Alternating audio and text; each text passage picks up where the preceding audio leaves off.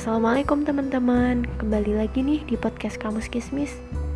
Pada kesempatan kali ini, kita akan membahas tokoh Islam yaitu Ibnu Sina.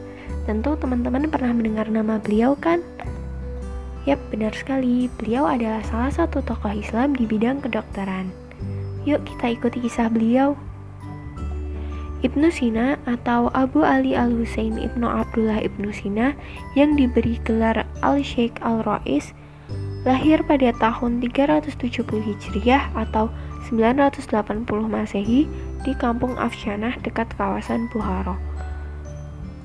Pada usia 10 tahun, ia sudah hafal Al-Quran, sastra, menghafal beberapa pokok agama Islam, matematika, aljabar, dan debat atau logika. Pada usia 16 tahun, ia telah dikenal sebagai seorang dokter yang ahli dalam berbagai macam penyakit namanya semakin terkenal dalam ilmu kedokteran, terutama setelah ia mampu menyembuhkan penyakit yang diderita oleh Sultan Buhara dan sebagai imbalannya ia diberi hadiah berupa perpustakaan pribadi.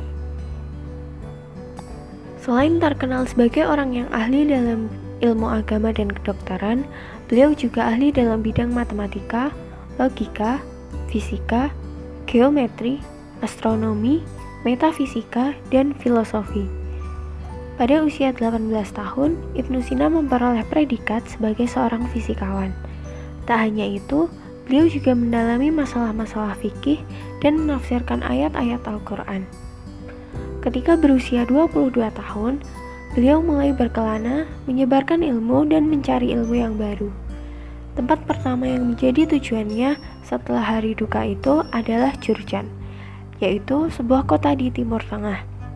Di sinilah ia bertemu dengan seorang sastrawan dan ulama besar Abu Raihan al-Biruni. Setelah itu, Ibnu Sina melanjutkan lagi perjalanannya untuk menuntut ilmu menuju kota Rai dan Hamadan. Di sanalah beliau menulis karyanya yang spektakuler, yaitu Konon Fitib. Di sepanjang perjalanan yang dilaluinya itu, banyak lahir karya-karya besar yang memberikan manfaat besar pada dunia ilmu kedokteran pada khususnya. Ibnu Sina wafat pada tahun 428 Hijriah atau 1037 Masehi di kota Hamdan, Iran. Beliau pergi setelah menyumbangkan banyak hal kepada hasanah keilmuan umat manusia.